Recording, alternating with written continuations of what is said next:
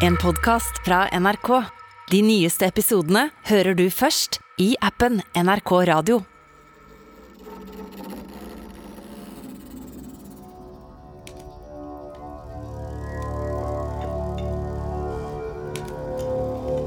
Julefeiring, du. Misforstå meg rett, det er kjempekoselig. Gaver og god mat og alt mulig. Men det kan være en ganske stressende greie. Man styrer og steller og pynter til jul så godt man kan, og disker opp med gode greier og legger godvilja til og håper at i kveld, i kveld blir det ålreit. Sjøl om man innerst inni seg går rundt med en gnagende frykt for at det sikkert blir stress og dårlig stemning lell. Ofte er det jo mye konflikter og frustrasjoner og gammelt agg som bobler og syder under overflata når familie fra fjern og nær blir samla. Sånn er det i dag, sånn var det for 100 år siden, og sånn var det jula 1203. Den jula skulle kong Håkon Sverreson ha juleselskap i Bergen, og da drev kongen og maksa. Han maksa vilt, sier jeg, for at de skulle ha en trivelig julaften. Hvor han hadde pynta den store hallen i kongsgården, kongen. Feite talglys overalt, en formue i talglys, fine duker på bordene, vakre tepper på veggene, og for en oppdekking! Tjenere sprang omkring og satt ut fancy, utskjærte drikkekar forma som små vikingskip, og fylte dem til randen med de fineste viner. På kjøkkenet koka og brasa dem. Gris og okse og supper og paier og småkaker med honning og rosiner. Hadde helt sikkert ordna i hvert fall sju sorter med bakst, ja. Skulle ikke stå på det. Den unge kongen av Norge sto midt i ståket og trippa stressa med fotene og fulgte med med bekymra mine og kritisk blikk. Han klappa i hendene. Hallo, alle sammen! Alle sammen! Hallo! Hør etter! Hør etter, sier jeg! Jeg har ett mål med den julemiddagen her, og det er å bli venner med stemora mi igjen. Det er det som er hele greia her nå, så alle må passe på å være ekstra grei og snill og høflig med min kjære stemor Margrete, enka etter far min, kong Sverre. Pass på at hun Margrete får alt hun ønsker seg. Vær på alerten, herre må vi få til. OK, alle sammen, lykke til! Stakkars kongen av Norge, han har litt av en julaften foran seg. For hun stemora hans, hun vil egentlig ikke komme i juleselskap, hun. Hun er pissed. Hun syns kongen av Norge er en idiot. Verdens største tosk. Hun er dritsur på han. Det gjør noe med stemninga innad i familien når du kidnapper din ega halvsøster.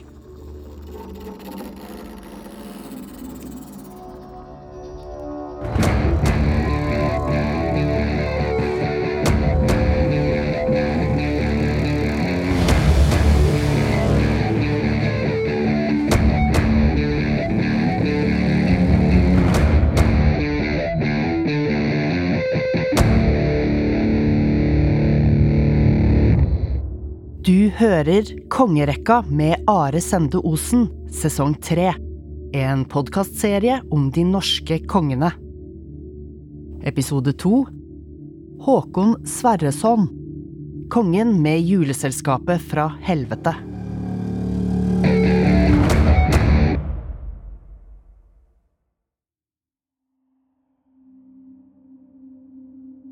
OK, kongen av Norge. Den stressa mannen som skulle arrangere julefeiring i Bergen. Kong Haakon. Han var i 20-årene. Faren hans var den store birkebeinerkongen Sverre. Mora hans vet vi ikke hvem var. Ukjent kvinne. Men Håkon hadde vært sammen med faren sin i mange år og drevet og slåsse og kriga sammen med Sverre, og utmerka seg militært. Da han var ungdom, hadde det visstnok vært litt styr med han, men da han ble konge, roa han seg og skjerpa seg, og vokste ifra de ungdommelige ufaktene sine. Kong Haakon var ikke så lik far sin rent fysisk. Faren var jo en liten gnom. Håkon, han var Han var ikke en høy mann, han heller, bare middels høy, men lell mye høyere enn faren. Han var en vakker og velbygd mann, veltalende, mild og myndig på samme tid. Den julaftenen her, da hadde Håkon vært konge i Norge i ett års tid. På det året hadde det skjedd ganske mye. Så fort kong Sverre døde i Bergen, sendte birkebeinerne et skip opp til Trondheim, tvert, for der var det en Håkon var da. Og da de kom til Trondheim, så sa folk hei, hei, birkebeinere, hvordan går det med kong Sverre? Bare bra, svarte de mens de halsa innover byen. Sverre er i toppform, frisk som en fisk, ja, ja, ja, ja, ja, ja, ja. De skulle ikke skape panikk, dem da, vet du. Hvor er en Håkon hen, forresten? Han er hjemme i kongsgården, var svaret. Og så for de dit, og så sa de Håkon, far din er død! Og her er et brev fra han han skrev før han daua! Og så snakka de sammen ei stund. Og så henta de hirden, gjengen, crewet, den innerste sirkelen. Og så fortalte de hvordan det sto til til dem. Og hirden tok Håkon til ny birkebeinerleder. Og så innkalte de til ting, og alle bøndene i området kom, og på det tinget tok de Håkon den tredje Sverreson til konge over hele landet.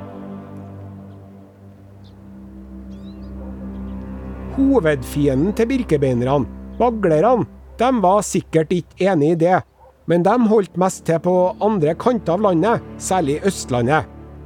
Så så langt, så godt. Ja, men Aremann, brevet, brevet, brevet, hva sto det i brevet han Sverre hadde skrevet på dødsleiet til sønnen sin? Jo, takk for at du spør. Akkurat det brevet er ikke bevart i sin helhet, men vi vet liksom hovedinnholdet. I det brevet, der tenker jeg meg at det sto omtrent som så.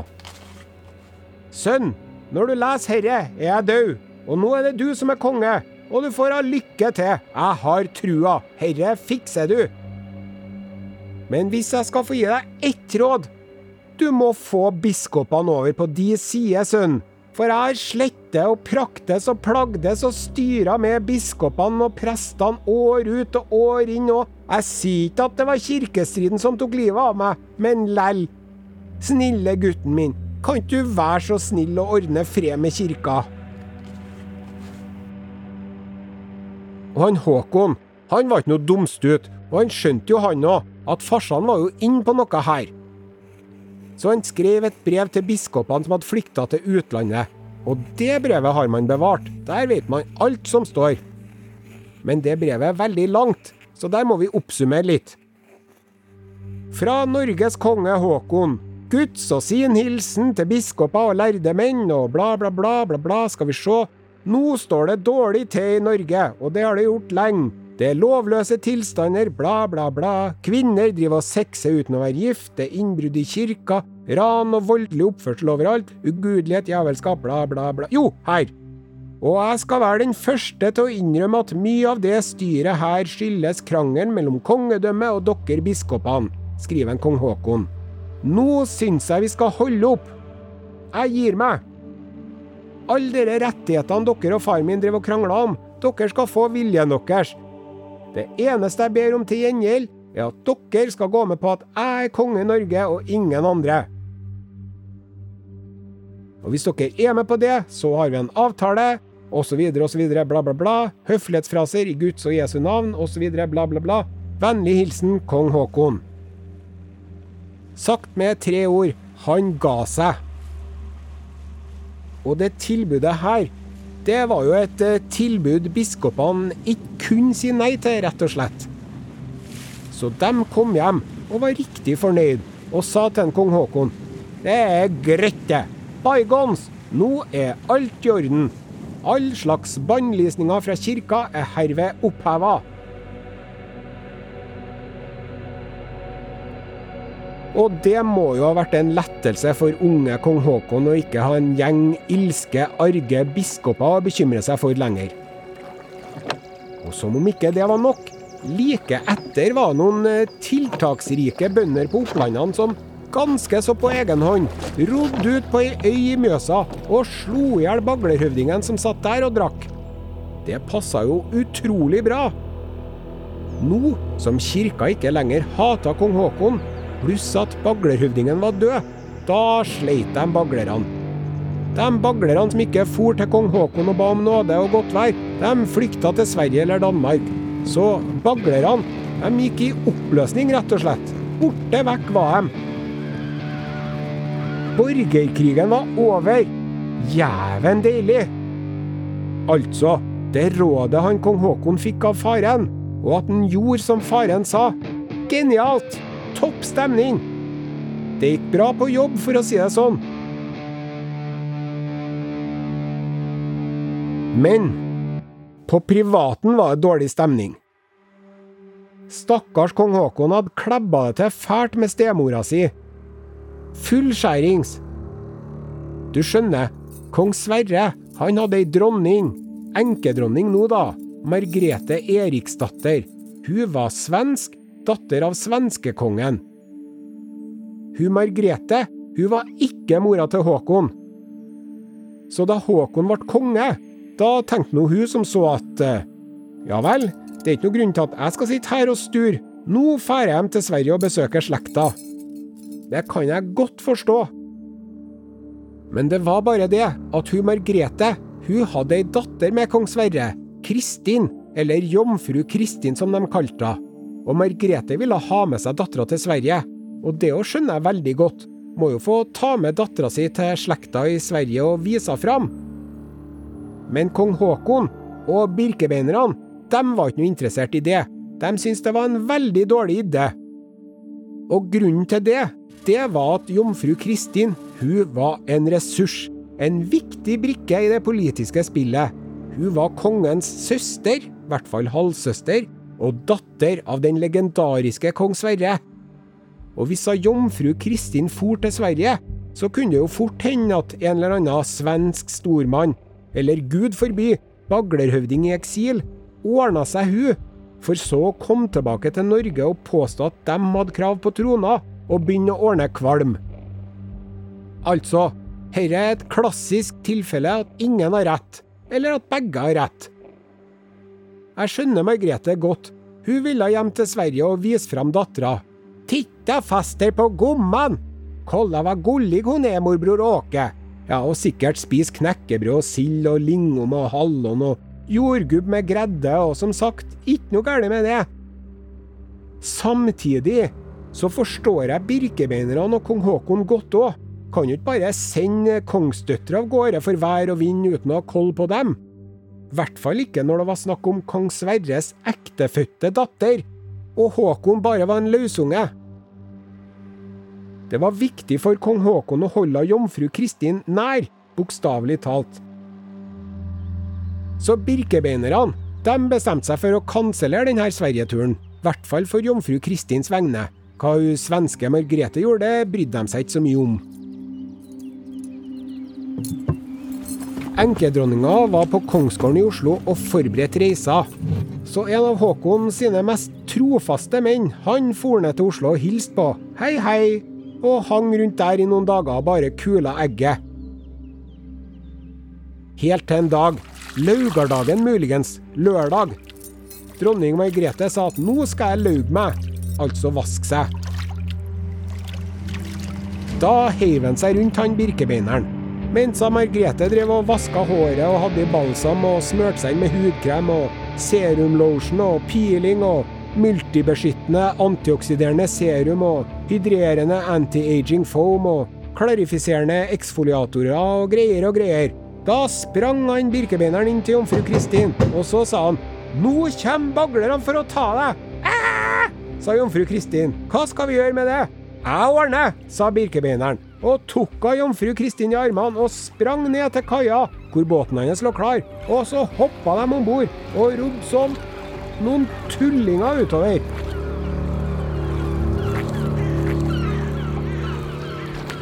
Da kom dronning Margrethe springende i slåbroken sin, så agurkskivene fløy fra øyelokkene og ropte 'Stans! Stans, sier jeg! Få tilbake dattera mi!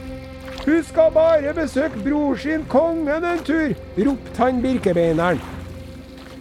Stans! ropte dronning Margrethe. Stans! Hallo! Jeg er faktisk kongsdatter! Hallo! Jeg var faktisk gift med en konge her i landet! Nå stjeler dere dattera mi, det ene barnet jeg har, som om hun var ei trelledatter! Men birkebeinerne ga blanke. De syntes sikkert dette var riktig festlig, og bare rodde av gårde utover fjorden. Og stakkars Margrethe sto på kaia og fresa. Hun var så rasende at hun holdt på å sprekke, og hun ropte etter dem til de ikke kunne høre henne lenger. Herre skal hevnes! Herre skal hevnes! Herre skal hevnes! Jæklar!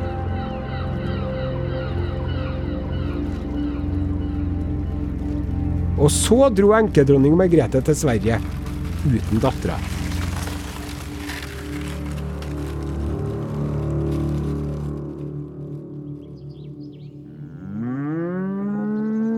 Etter at det ordna seg med biskopene, og at baglerne forsvant, ble det fred over hele landet. For første gang på 60 år fikk folk ro til å drive gården og stelle med de små dyrene sine. Ja, de var faktisk veldig små, dyrene deres. Kyrne var en tredjedel størrelse av de kuene vi har i dag. Kanskje enda mindre. Men nå som alt gikk så bra og ordna seg, begynte kong Haakon mer og mer å tenke på det klebbete, lite elegante jomfrurovet av halvsøstera. Og han fant vel ut at herre var noe for gæli, og nei, nå må jeg ordne opp med stemora mi. Så han sendte brev til Sverige. Det var fagre ord og kan ikke du være så snill å komme og si hei, så skal vi få ordna opp i denne ulykka, og du skal få den største heder til meg. Med andre ord, unnskyld, Margrethe, unnskyld! Kan ikke du komme på besøk snart, da? Vær så snill, snille Margrethe. Kanskje han så for seg en harmonisk familiepåske med lammelår og marsipan og påskequiz. Og Margrethe svarte ja til det. Jeg kan ta meg en Oslo-tur. Etter påske. Ja ja, så møttes de der utpå våren. Men det er jo klart at et sånt Hva skal man kalle det egentlig, når stesønnen din kidnapper dattera di, si ega søster? Overtramp? Tillitsbrudd? Bommert? Uansett, det skal jo litt til å komme over. Så Margrethe, hun kom men hun var ikke noe happy. Det var anstrengt stemning. Men jeg tror at en kong Haakon hadde trua.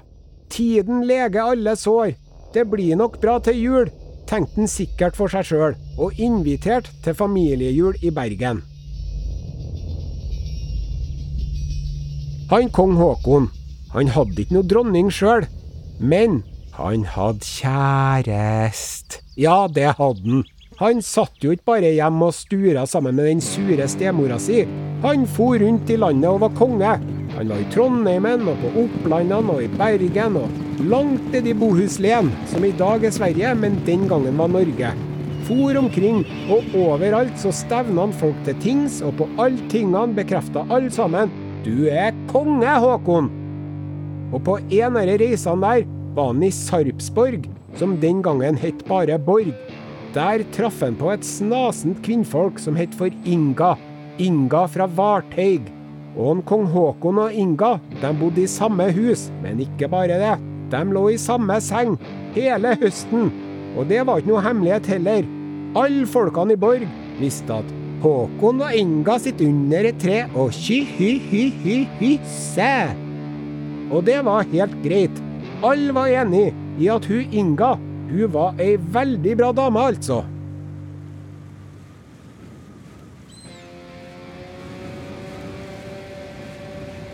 Men lell, da kong Haakon dro til Bergen for å feire jul sammen med familien, søstera og stemora og alle de andre, da ble ikke Inga med. Det var litt tidlig i forholdet, sikkert. Og dessuten, først så skulle han jo bli venner og skvære opp med stemora si. Så, så kunne han begynne å introdusere nye kjærester og alt det der. Én ting om gangen.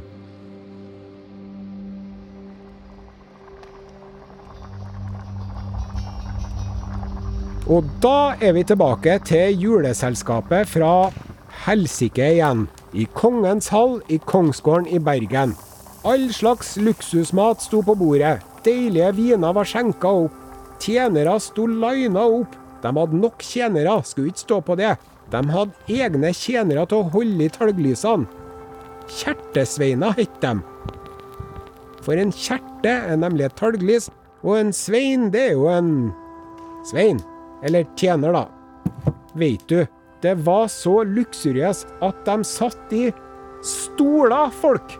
Og det var luksus òg, det. For vanlige folk. De satt på benker inntil veggen. Bare fintfolk satt i stoler. Og her var det altså stoler overalt. Sikkert levende musikk òg. Ja, mangla ikke noen ting. Jo, det var én ting som mangla. Stemora. Hun glimra med sitt fravær. For hun Margrethe, hun var fortsatt forbanna. Det hadde hun jo vært hele tida. Kongen var blid og vennlig og prøvde så godt han kunne å holde konversasjonen i gang på dagene fram mot jul. Men Margrethe var sur og tverr, og svarte ikke når han snakka til henne, og ville sitte ved sitt eget bord med følget sitt og spise. Jomfru Kristin gikk imellom og prøvde å ordne god stemning, uten at hun lyktes noe særlig med det. Så da julaften kom, da, så satt nå Margrethe på kammerset og stura. Jomfru Kristin var her, hun òg. Tjenerne kom for å si fra at nå er det klart, bare å komme. Men Margrethe, illsint, si til kongen at jeg kommer ikke. Men da kong Haakon fikk høre det, da hadde han fått nok. Nei vel, hvis det skal være på den måten, så får hun sitte der, da. Men søstera mi, jomfru Kristin, hun skal nå komme lell. Og så gikk tjenerne tilbake og ga den beskjeden til Margrethe. Og det hjelper jo ikke på stemninga. Ja, det er ikke første gangen han tar fra meg dattera mi. Husker jeg godt han gjorde det i Oslo, så det er jeg nå vant til. Trenger ikke å minne meg på det, nei. Men hun jomfru Kristin, stakkars, hun prøvde å lugne ned stemninga, så hun klappa mor si på armen.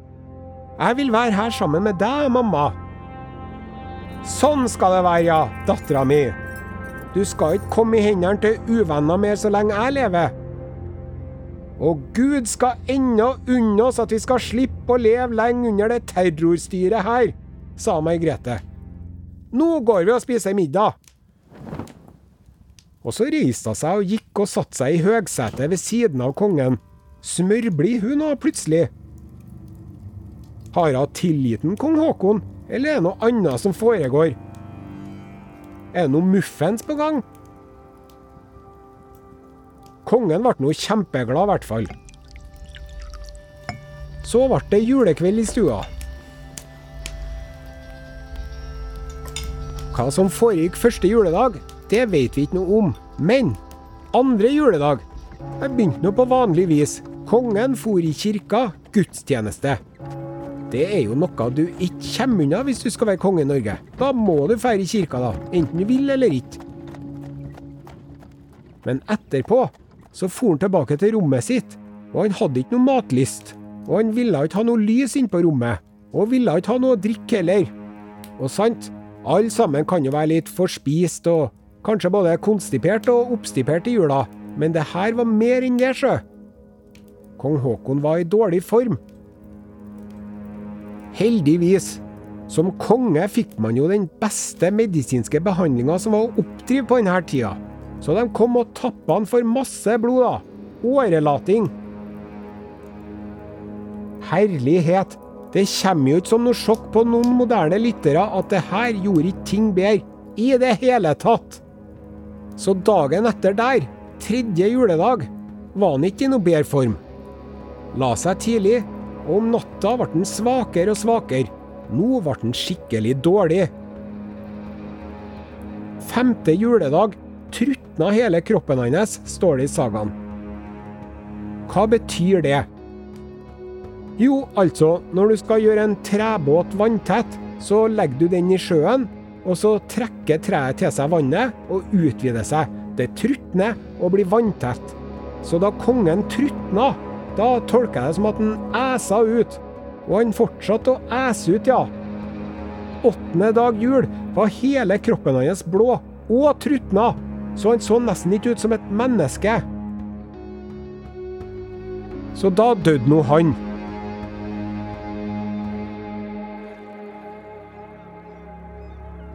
Folket sørga, men det må nå nesten ha vært en lettelse for den stakkars kong Haakon, for dette hørtes heslig ut. Straks kongen var død, så begynte mange å hviske og tiske om at eh, det er sikkert hun Margrethe, denne svenske trollkjerringa, hun forgifta han kong Haakon, gjorde. Men Margrethe sa at det gjorde jeg ikke, verken jeg eller noen av folkene mine. Men det trodde de ikke noe på, og de ga seg ikke. Folk mente at det var gjeskla mistenkelig opplegg, det der. Og alle sammen visste jo at Margrethe hata kongen. Og hvorfor skulle hun ellers dø? Hæ? Hæ? Øh, forslag? Kanskje fordi det kom en skitten munk og tappa ut blodet hans? Og så begynte folk å mase om at hvis Margrethe var så gjeskla uskyldig, kunne hun vist det med jernbyrd. Jernbyrd, hva er det igjen? Jo, det er da altså at hvis du er mistenkt for noe, eller skal bevise noe, så bærer du glødende jern. Og hvis du snakker sant, så grip Gud inn personlig og sørger for at du ikke blir forbrent. Som om Gud ikke har noe å ta seg til ellers, tenker du. Men i hvert fall. Siden Margrethe var enka etter sjølveste kong Sverre, og kongsdatter og greier, og hadde noen venner ved hoffet fortsatt, tydeligvis, så slapp hun å bære jernbyrd sjøl. Men den ene tjeneren hennes måtte gjøre det for henne. Og da han fikk det glødende jernet i nevene, så sa han ho, ho, ho, ho, ho, ho, vann, vann, vann, vann, vann. Og da han hadde båret ferdig, var nå han stygt forbrent. Så da drukna de nå han. Stakkars fyr. Og det var flere som mente at de skulle drukna Margrethe òg. Så hun tenkte fuck it, nå drar jeg. Og det kan jeg godt forstå. Hun flykta til Sverige, gjorde hun. For godt.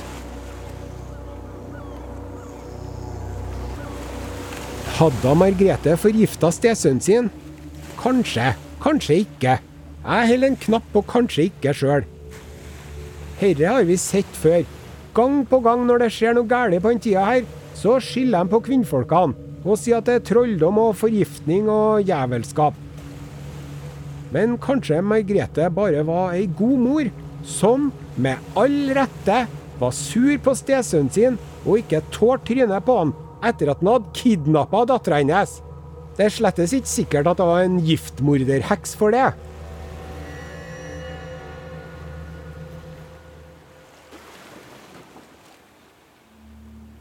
Og det var jo synd for kong Haakon Sverreson. Han rakk jo knapt å begynne, og hadde jo vært en lovende konge. Ordna fred og ro etter mange år med borgerkrig. Men nå var nå kong Haakon død, uten arving. Er ikke det typisk? Alle kongene i hundrevis av år har hatt løsunger bak hver knatt og knaus. Kunne ikke kaste en stein i Norge i årevis uten å treffe en kongssønn. Men nå sto han der uten en eneste en. Så birkebeinerne klødde seg i hodet og lurte fælt på hvem som skulle bli konge nå. De hadde noen kandidater, da. Det sto mellom fetteren og nevøen til en kong Haakon. Og det var argumenter for og imot begge to. Argumentet mot nevøen, Guttorm, var at han bare var fire år. Så det var ikke optimalt. Fetteren derimot var voksen. Han het for Håkon Galen. Det som talte moten Håkon Galen, da, det var jo at han var nettopp det. Galen. Det var derfor de kalte han Galen, fordi han var gal. Vill og ustilig. I tillegg var han halvt svensk. Og svenskene sto ikke noe høyt i kurs hos birkebeinerne, med tanke på at forrige konge nettopp var blitt forgifta på skjendig og grusomt vis av ei svensk trollkjerring-stemor-heks-drittkjerring. Så de inngikk et kompromiss. Han lille nevø Guttorm han ble konge. Og så ble den halvt svenske gale Håkon Galen, han ble leder for hird og hær. Litt sånn eh, maktfordeling der. Og det funka nå bra, det. I flere måneder, faktisk. Men så ble den kong Guttorm òg sjuk. Han òg fikk en mystisk, heslig sykdom. Lille Guttorm lå og vrei seg i smerte. De spurte han hvor gjør det vondt hen, Guttorm, kan du beskrive smertene? Og da svarte den lille Guttorm det kjennes ut som jeg blir stukket med kvasse nagler gjennom hele kroppen. Når begynte det der, da? spurte han videre. Jeg kjente det først idet jeg satte meg på fanget til hun svenske dama som er på besøk. Himmel og hav, svenskene sto bak dere der òg. For hun svenske dama der, tror du ikke det var ei venninne av enkedronning Margrethe? Kanskje dere fordommene mot svenske trollkjerringer ikke var helt ubegrunna lell? Eller er det bare at det er så utrolig lettvint å legge skylda på kvinnfolkene? Jeg bare spør. Men han lille Guttorm, stakkars lille gutten, han var ikke konge lenger enn en litt lang sommerjobb, så døde nå han òg. Her går det unna. Hvem er det som blir konge nå, da? Håkon Galen? Han er jo halvt svensk og gal. Hm, nei, det her var kompliserte greier. Var ikke enkelt for birkebeinerne sin valgkomité å finne nytt kongsemne nå. Og det er mer, sjø. Det er mer. Problemene tårner seg opp her nå. Hva tror du alle baglerne rundt omkring sa da de fikk høre at kong Haakon var død, og at en liten guttunge og en gal halvsvenske delte makta? Da sa de dere, denne borgerkrigen som vi avlyste, den er herved pålyst. Gi meg en B. Gi meg en O. Gi meg en R, sa baglerne og tok seg gjennom alle bokstavene i ordet borgerkrig, helt til de endte opp med Hørte ikke! Borgerkrig! Høyere! Borgerkrig! En gang til! Borgerkrig! Så da jeg sa i stad at borgerkrigen var over, da tok jeg feil, gitt. Borgerkrigen var ikke over. Langt derifra. Flere tiår til med borgerkrig. For en gigantisk nedtur. Da Håkon døde, da døde freden òg.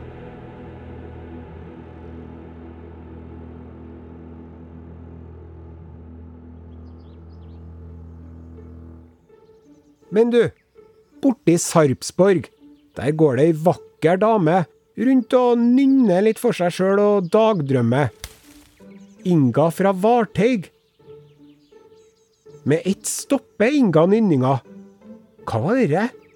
Det kan ikke være. Nei, det er ikke.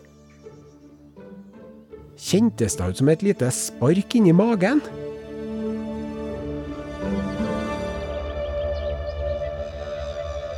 Noter deg det bak øret.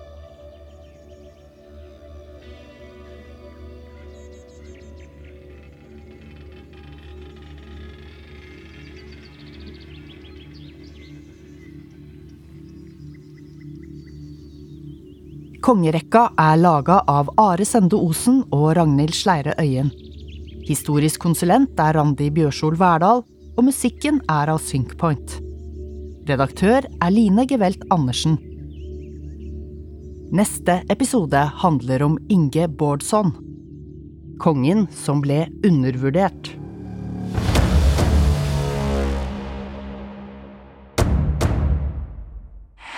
Du har hørt en podkast fra NRK. De nyeste episodene hører du først i appen NRK Radio.